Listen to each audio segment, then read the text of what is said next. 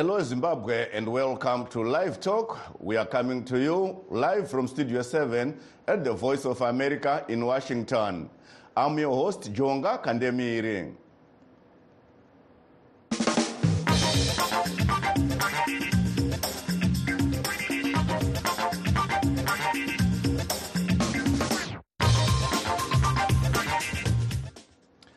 Today on Live Talk Diaspora Forum, we are talking about the South African government's white paper on citizenship, immigration, and refugee protection, which is meant to overhaul the country's migration system for foreign nationals wishing to obtain residence and citizenship in that country. But first, a look at what is happening elsewhere. The United Nations is worried by the spreading of the cholera outbreak in Africa, which has now affected 10 countries, with the situation in Zambia and Zimbabwe uh, caught very serious, according to the World Body. Columbus Mavhunga reports from Harare, where some independent health experts are urging the government to declare the waterborne disease a national disaster so that international aid agencies like WHO, UNICEF, and USAID can chip in. The regional health advisor for UNICEF in Eastern and Southern Africa says 10 countries on the continent have active cholera outbreaks with about 200,000 reported cases and more than 3,000 lives taken by the waterborne disease. Of the 10 countries, Ethiopia, Mozambique, Tanzania, Somalia, Zambia, and Zimbabwe are in acute cholera crisis. Dr. Paul Ngwakum says. Zambia and Zimbabwe are experiencing an exponential rise in the number of cases since the festive season. The key drivers are long term poor water, sanitation, and hygiene conditions, exacerbated by changing weather patterns, climate change leading to floods and droughts, end of year festivities, inadequate community sensitization, late care seeking behavior for those that are affected. Children unfortunately carry the lion's share of the affected cases. For example, over 52% of the cases in Zambia are children less than 15 years old. Ngwakum says Zambia and Zimbabwe are experiencing an exponential rise in the number of cases since the Christmas and New Year holidays, with 1,000 cholera cases reported a week in each of the neighboring countries. The situation in Zambia and Zimbabwe is very serious. These two countries are the most affected in the region. In Zambia, nine out of the 10 provinces are reporting cases. Another challenge is the high case fatality rate. 4% of the over 9,000 cases have died. This is extremely high because the acceptable threshold is below 1%. Since the beginning of 2024 alone, Zimbabwe has recorded over 17,000 cases with about 384 deaths. Case fatality rate also above 2%. And this continues to spread geographically. In Zimbabwe, shortages of purified water are forcing residents to depend on open sources. That, along with uncollected refuse and running sewage, are being blamed for the waterborne disease. Douglas Mombeshora, Zimbabwe's health minister, says the central government is doing all it can to contain the outbreak. He says they are starting in the country's capital, Harare. It is duty of government to intervene wherever they see things are not moving properly. If you move around city of Harare, people are just dumping garbage in undesignated areas and this has not been collected. So government has mobilized resources so that we clean up Harare. And government is moving in to mobilize resources to procure water treatment chemicals. Supply of potable water has dropped from 350 megaliters to 200 megaliters per day. Itai Rusike, executive director of the Community Working Group on Health in Zimbabwe, has on social media called on the government to declare a national disaster so that international aid agencies like WHO, UNICEF, and USAID can swiftly help to contain the cholera outbreak. All measures to end cholera are within the purview of the government, central government or local government. by providing safe water, safe sanitation, and also hygienic waste disposal. So the buck stops with the government in making sure that uh, people are provided with uninterrupted supply of uh, potable water. Refuse is collected on time Best sewer pipes are also fixed timeously, and the general public are given information about cholera guidelines and protocols. UNICEF fears that if the outbreaks are not brought under control, it will mean schools closing, as in the case in Zambia, and children losing out on learning. Columbus Mavhunga, VOA News, Harare. The health of the economy often plays a big role in how Americans vote in general elections, including for the next president. This year, there are early signs that other issues are equally important to people as they prepare to cast their ballots in November. VOA's Veronica Balderas Iglesias has the story from Washington. President Joe Biden kicked off 2024 on the campaign trail in Pennsylvania, where he reminded Americans of the gains he says the U.S. economy has made under his leadership. You look at the consumer confidence measures, they're way up. Look at across the board. Everybody's doing better, and they believe it, they know it. There's no question that the U.S. economy has defied expectations by rebounding from the COVID 19 pandemic and remaining strong, says Assistant Professor of Economics at the George Washington University, Stephen Hamilton. Inflation is, is you know, down to sort of 3.1%, which, you know, is less than half of what it was at its peak. Uh, meanwhile, uh, unemployment has remained near sort of 50 year lows at 3.7%. So that's a, that's a real, uh, uh achievement. But whether the progress made so far will help get Biden reelected in November remains to be seen, Hamilton noted. I think the big question leading into the election is how quickly will wages, wages rise and how quickly will inflation fall? And basically, will people start to feel the benefits uh, before that date. 76% of U.S. adults see the economy as a top priority in 2024, according to a poll conducted last month by the Associated Press NORC Center for Public Affairs Research. Tim Carter tends to vote Republican.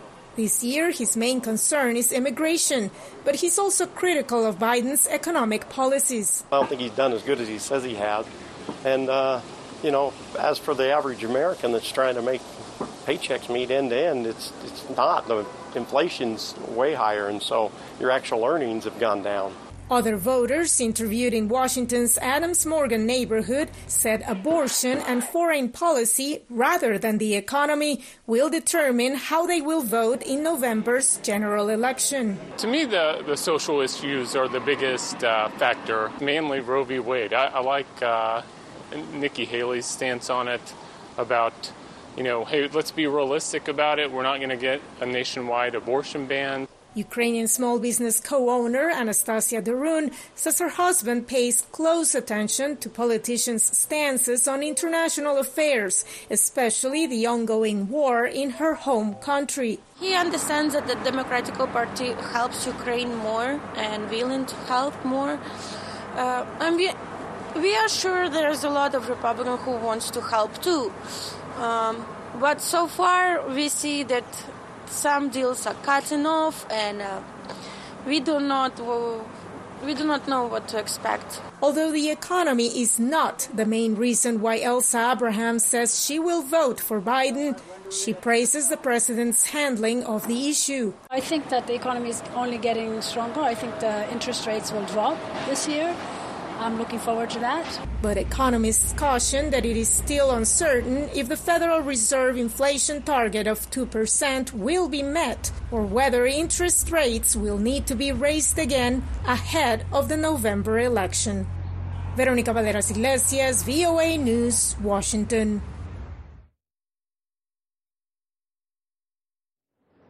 Uh, back to our main topic. The South African government is in the process of overhauling its immigration or its migration system for foreign nationals to obtain residence and citizenship in that country. Through the Department of Home Affairs, the government published a white paper on citizenship Immigration and Refugee Protection that it says seeks to safeguard refugees and asylum seekers and ensures adherences to international migration agreements and protocols to which South Africa is a signatory. The department in November last year invited public comments with some organizations representing Zimbabweans in that country submitting their input to the white paper. The process was supposed to close on January 19, 2024, but has been extended to end of this month. Please stay tuned as we take a brief break.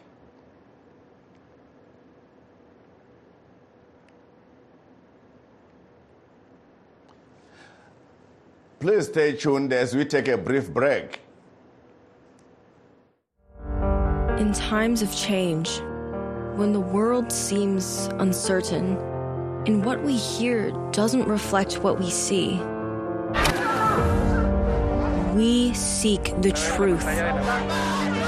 When we are told only part of the story, we lose trust. In moments of crisis, our dreams, hopes, and wishes for a better tomorrow depend on a free press. At Voice of America, we bring you the stories that people take risks to see. Connect the world and unite it with truth. At Voice of America, we show you the whole picture. Uh, for those that have just joined us, please note that we are streaming live on our Facebook pages VOA Shona, VOA Studio 7, and VOA Ndebele. We are also live on YouTube, VOA Zimbabwe.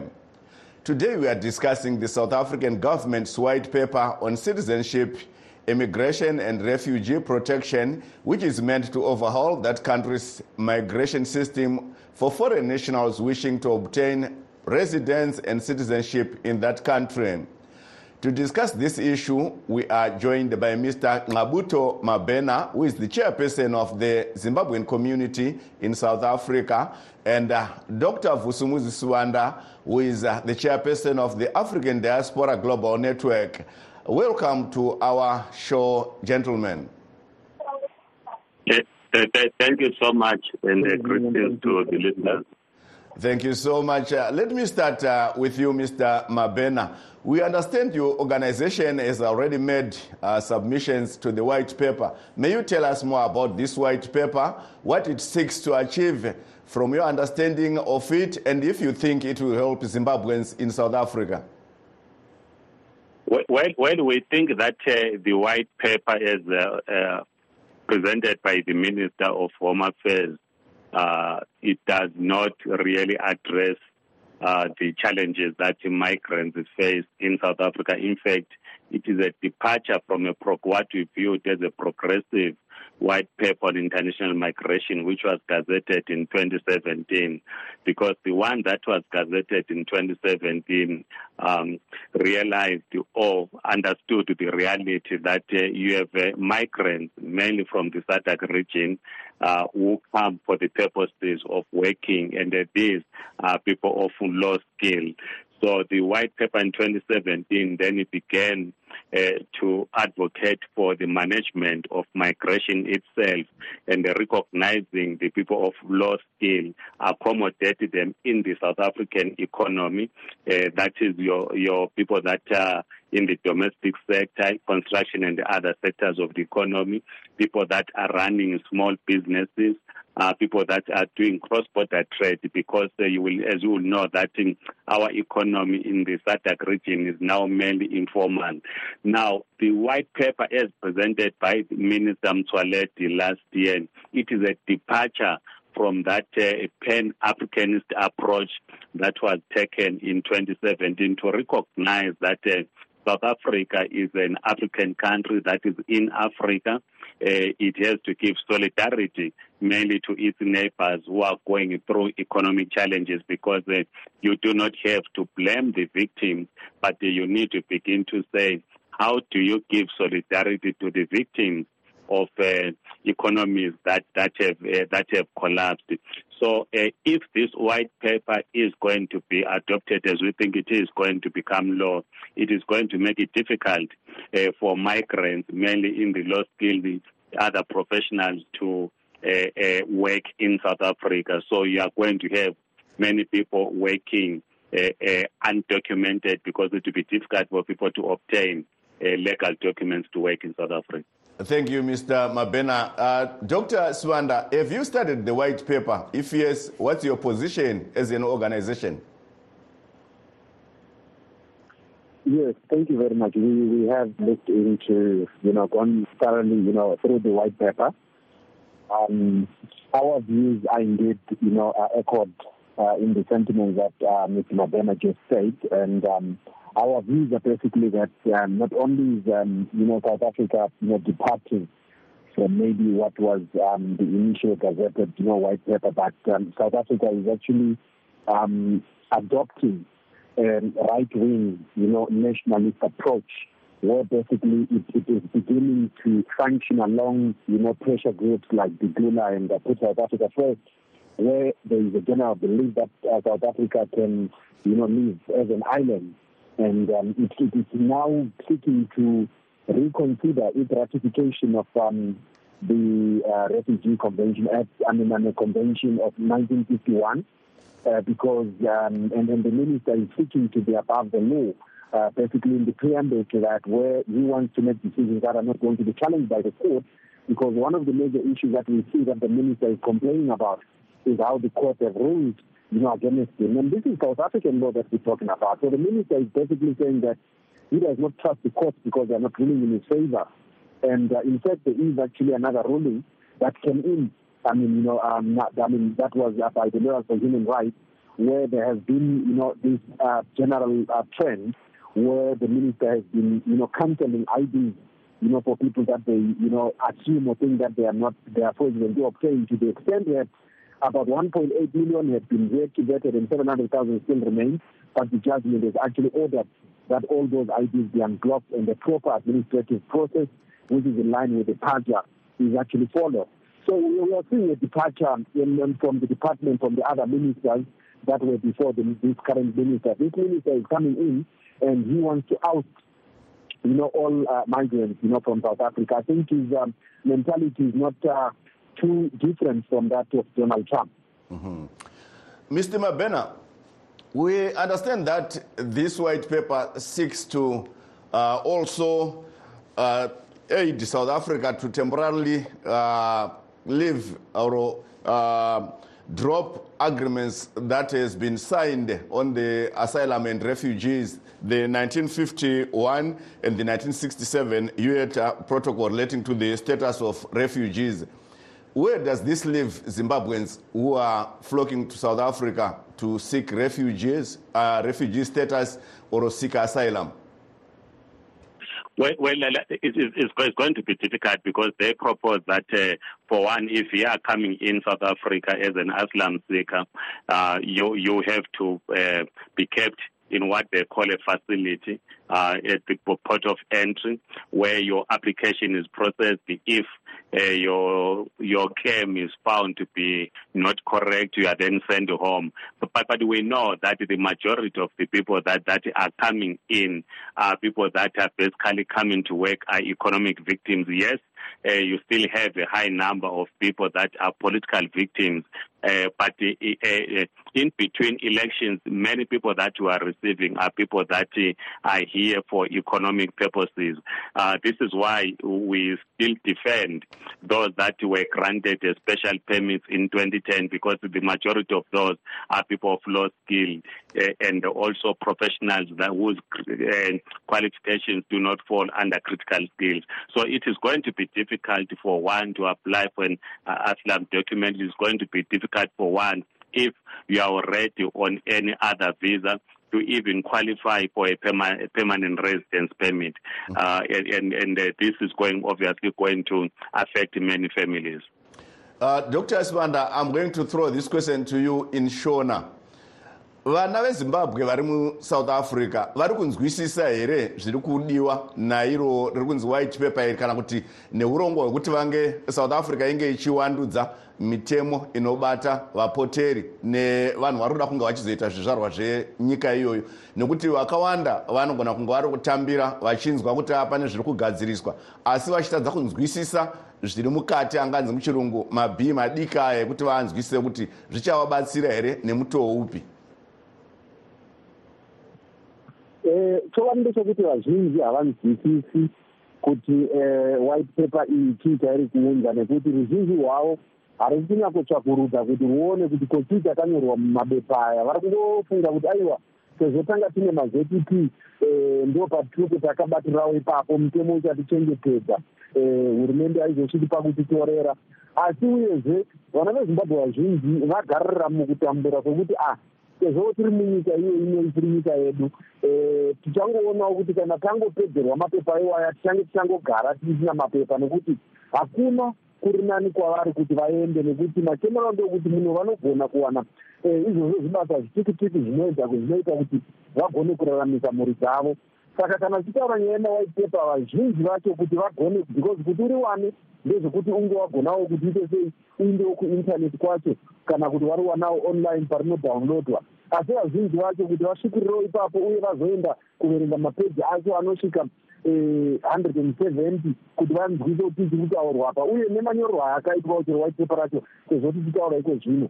Tinoona kuti mongo chaiwo chaiwo watingati white paper zvarinoda kutaura ndezvipi because harina kunyatsotaura chaizvo zvarinokuda asi kuti toda kuti tiona kuti maybe tingabuda zvakare matakapinda uye tikuona kuti immigration act refugees act necitizenship act neborder management act dzinenge dziri kufambisana mushe saka toda kuchinja. Ipapo hapana chokwadi. Saka vanhu vazhinji havasi kunyatsonzwisa kuti chaizvo chaizvo white paper iyi zvairoda kutaura ndezvipi? Nekuti hapana zvayakataura. Pane zvizhinji zvakataurwa zvoda kuchinjwa pakufambidzina kwekuwanana kwevanhu uye kuti vaone ugaro hwemuno munyika ino kana kuti vave vana vepano.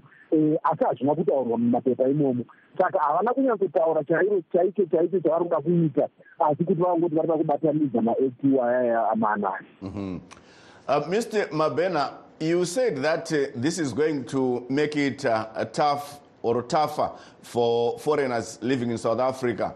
Do you see in the future, if the white paper is adopted, a drop in uh, illegal immigrants in South Africa?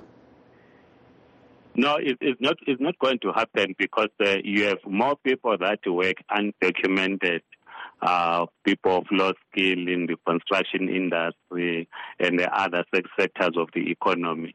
Uh, so, we are going to make life difficult for even migrants because if you are not documented, you are faced with the challenge of even operating a bank account, for instance, uh, where people then ask relatives to open their bank accounts. And we know that the employers uh, prefer people of migrants to work as domestic workers, to work in the other sectors of the economy for the purposes of exploiting them because uh, it's difficult for an undocumented person to go to the labor court or to go to CCMA to demand that the employer respects worker rights, that the, um, the, the worker is paid a minimum wage. So it, this is not is not going, going to stop anything. Uh, we have seen in the past the farm workers uh, that have been exploited even during apartheid. Uh, farm workers were being uh, arrested on the day they were supposed to receive their salary. So you are going to see a lot of exploitation of workers because they do not have, in their eyes, a legal right to confront the employer because they will simply be told that the police van is, going to be called or immigration officials are going to be called in.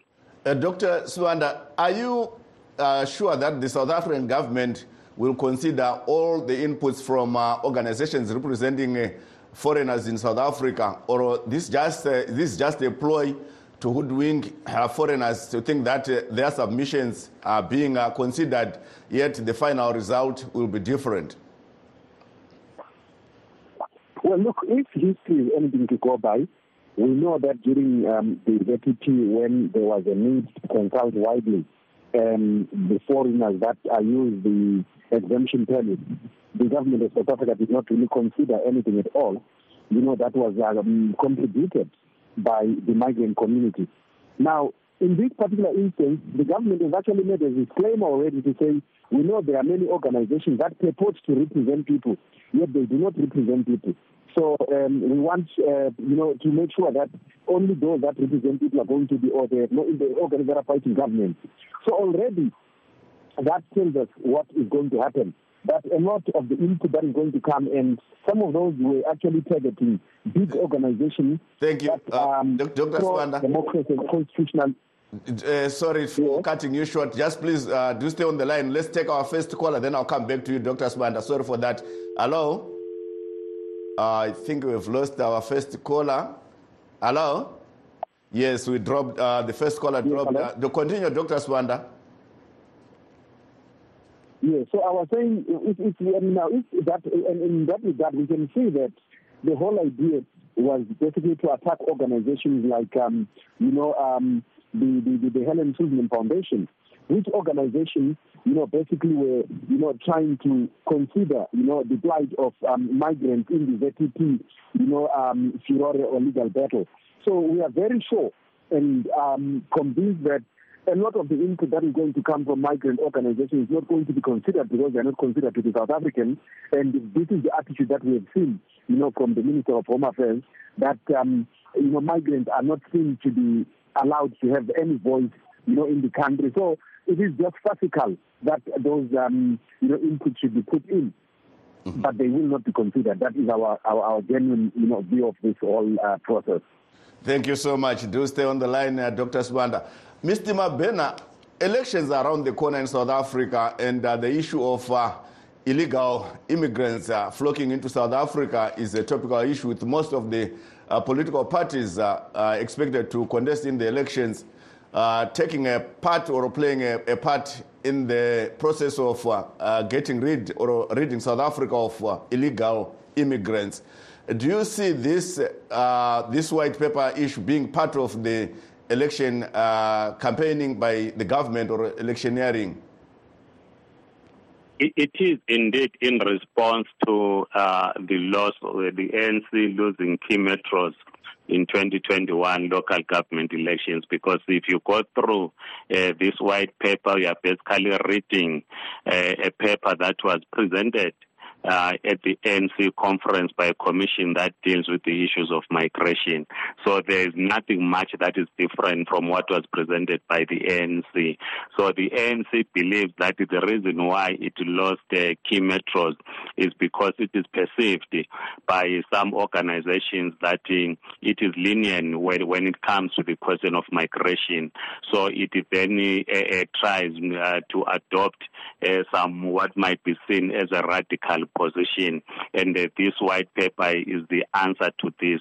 Uh, but, but, but of course, the, election is not going to be really based on, on the question of migration. You have uh, uh much uh, uh, important issues like load shedding, which is which is affecting the South African eco- economy. People are losing jobs, so we do not Thank think. You, Thank you. Let's hear uh, from Dr. Uh, Sibanda. What's your take on the elections that are coming? Our time is running out. Dr. Sibanda. Um, yes, uh, what was that question again?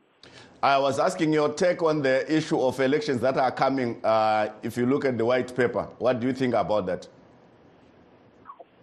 Well, look, um, for starting from 2015, organizations that appeared, and in 2015, wow. the Democratic Alliance was one of our, those organizations our time, was, Our time is know, up. Um, Sorry, Dr. Sibanda, our time is up. Uh, that brings us to the end of our show.